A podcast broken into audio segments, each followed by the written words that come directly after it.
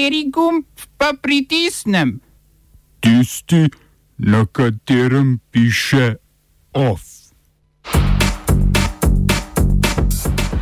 V Ženevi poskus oblikovanja nove libijske vlade. Google bo plačal kazen za diskriminacijo na podlagi spola. Romunija omejuje kitajske gradbenice. Karel obljublja nezaupnico naslednji teden.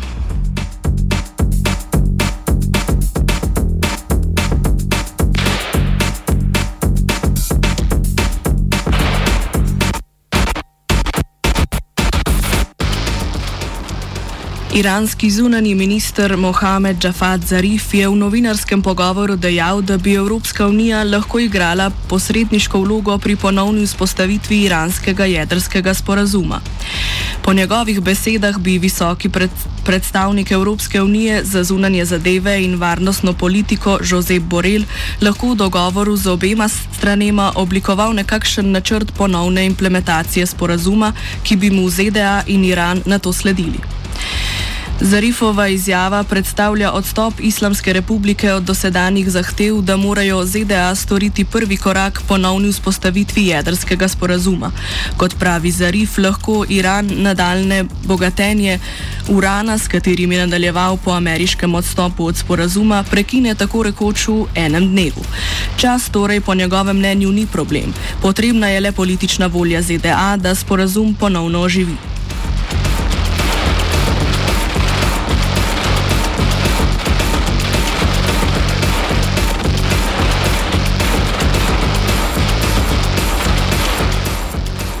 V Ženevi se je začelo srečanje Libijskega foruma za politični dialog. Forum naj bi v naslednjih dneh izvolil tričlanski predsedniški odbor in naslednjega predsednika vlade te severnoafriške države. Srečanje je rezultat mirovnega procesa in kompromisa, ki so ga sprte strani v libijski državljanski vojni z mednarodno medijacijo dosegle lani. Kljub srečanju foruma se napetosti v Libiji spet stopnjujejo, saj so milice zveste Fajezu El Saraju v nedeljo ponovno zavrnile mirovni proces v sklopu UZN. Čeprav glavne strani državljanske vojne, kot so sile generala Kalifa Haftara, na prvi pogled podpirajo mirovni proces, ni jasno, ali bodo izbrani predstavniki imeli dovolj podpore za oblikovanje stabilne vlade.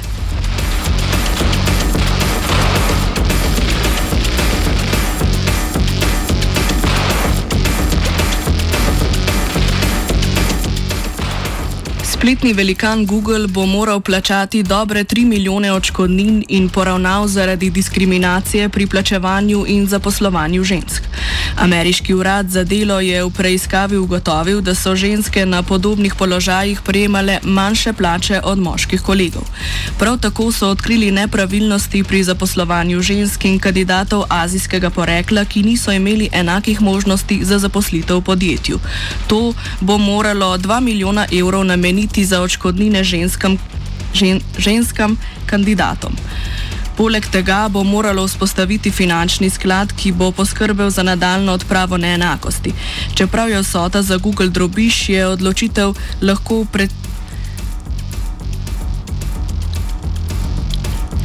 Precedenčni primer za druge večje skupine, skupinske tožbe.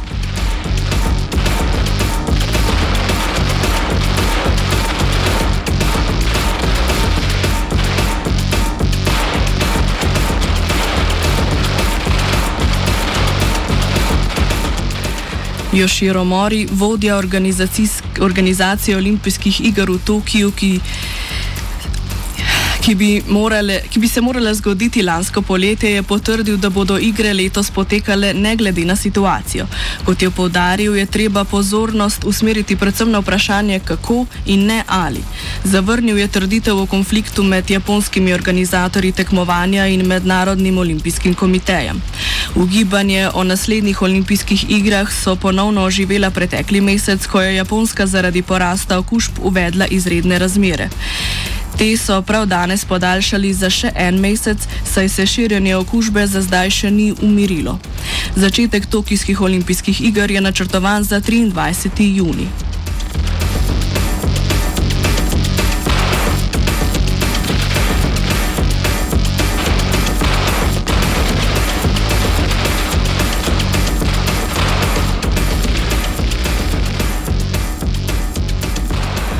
Romunska vlada je sprejela memorandum, po katerem bodo javne infrastrukturne projekte v državi le, dobila le podjetja iz držav, ki imajo podpisane bilateralne trgo, trgovinske sporazume z Evropsko unijo. Čeprav memorandum ne omenja nobene specifične države, je jasno, da bo najbolj vplivala, vplival na kitajska podjetja, ki se v regiji vedno pogosteje potegujejo za večja javna naročila. Po besedah predsed, podpredsednika vlade Dana Barne je ta korak ključen za zagotavljanje kakovostne izvedbe javnih del v obdobju, ko se mora država infrastrukturno prenoviti. Čeprav je po trditvah vlade poteza usklajena z mednarodnim pravom, pa, vladni, pa vladni kritiki trdijo, da bodo novi javni razpisi nepravično izključevali kitajska podjetja in posledično močno podražili gradbene projekte. Oba, če, če bom odgovoril na angliški. Slovenija bo poskušala pomagati. Slovenija bo naredila svoj utmost, da bo rekla, da je situacija naš problem, sami. In bomo naredili nadaljnje korake, as soon as the conditions are. Bomo vlado Marjana Cererera Šarca podprli.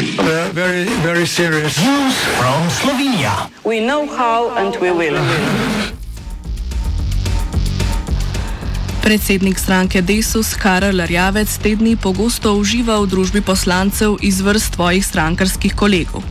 Na današnjem ponovnem sestanku s poslansko skupino Desusa naj bi mu ti ponovno zagotovili, da bodo podprli konstruktivno nezaupnico. Polnomočen s podporo je Karel tako ponovno napovedal, da bo nezaupnica vložena naslednji teden, upamo pa lahko le, da se članice Knovsa ne bodo spet kje izpostavili koronavirusu. Kljub jasnim besedam predsednika stranke pa izjave njenih poslancev v zadnjih dneh niso bile tako nedvomne, saj se nekateri člani očitno bolj nagibajo k opozicijskem delovanju ali celo ostanku stranke v vladi.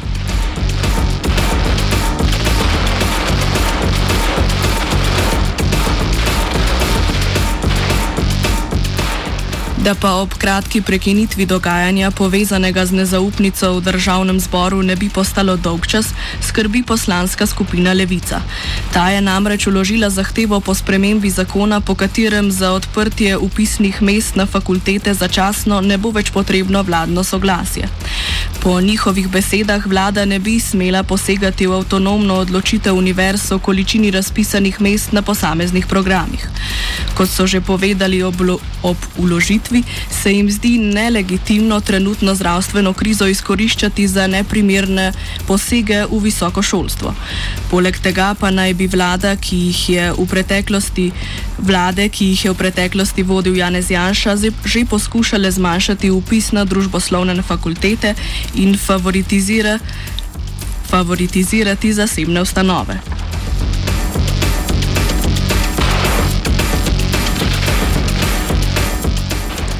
OF je pripravil koruza.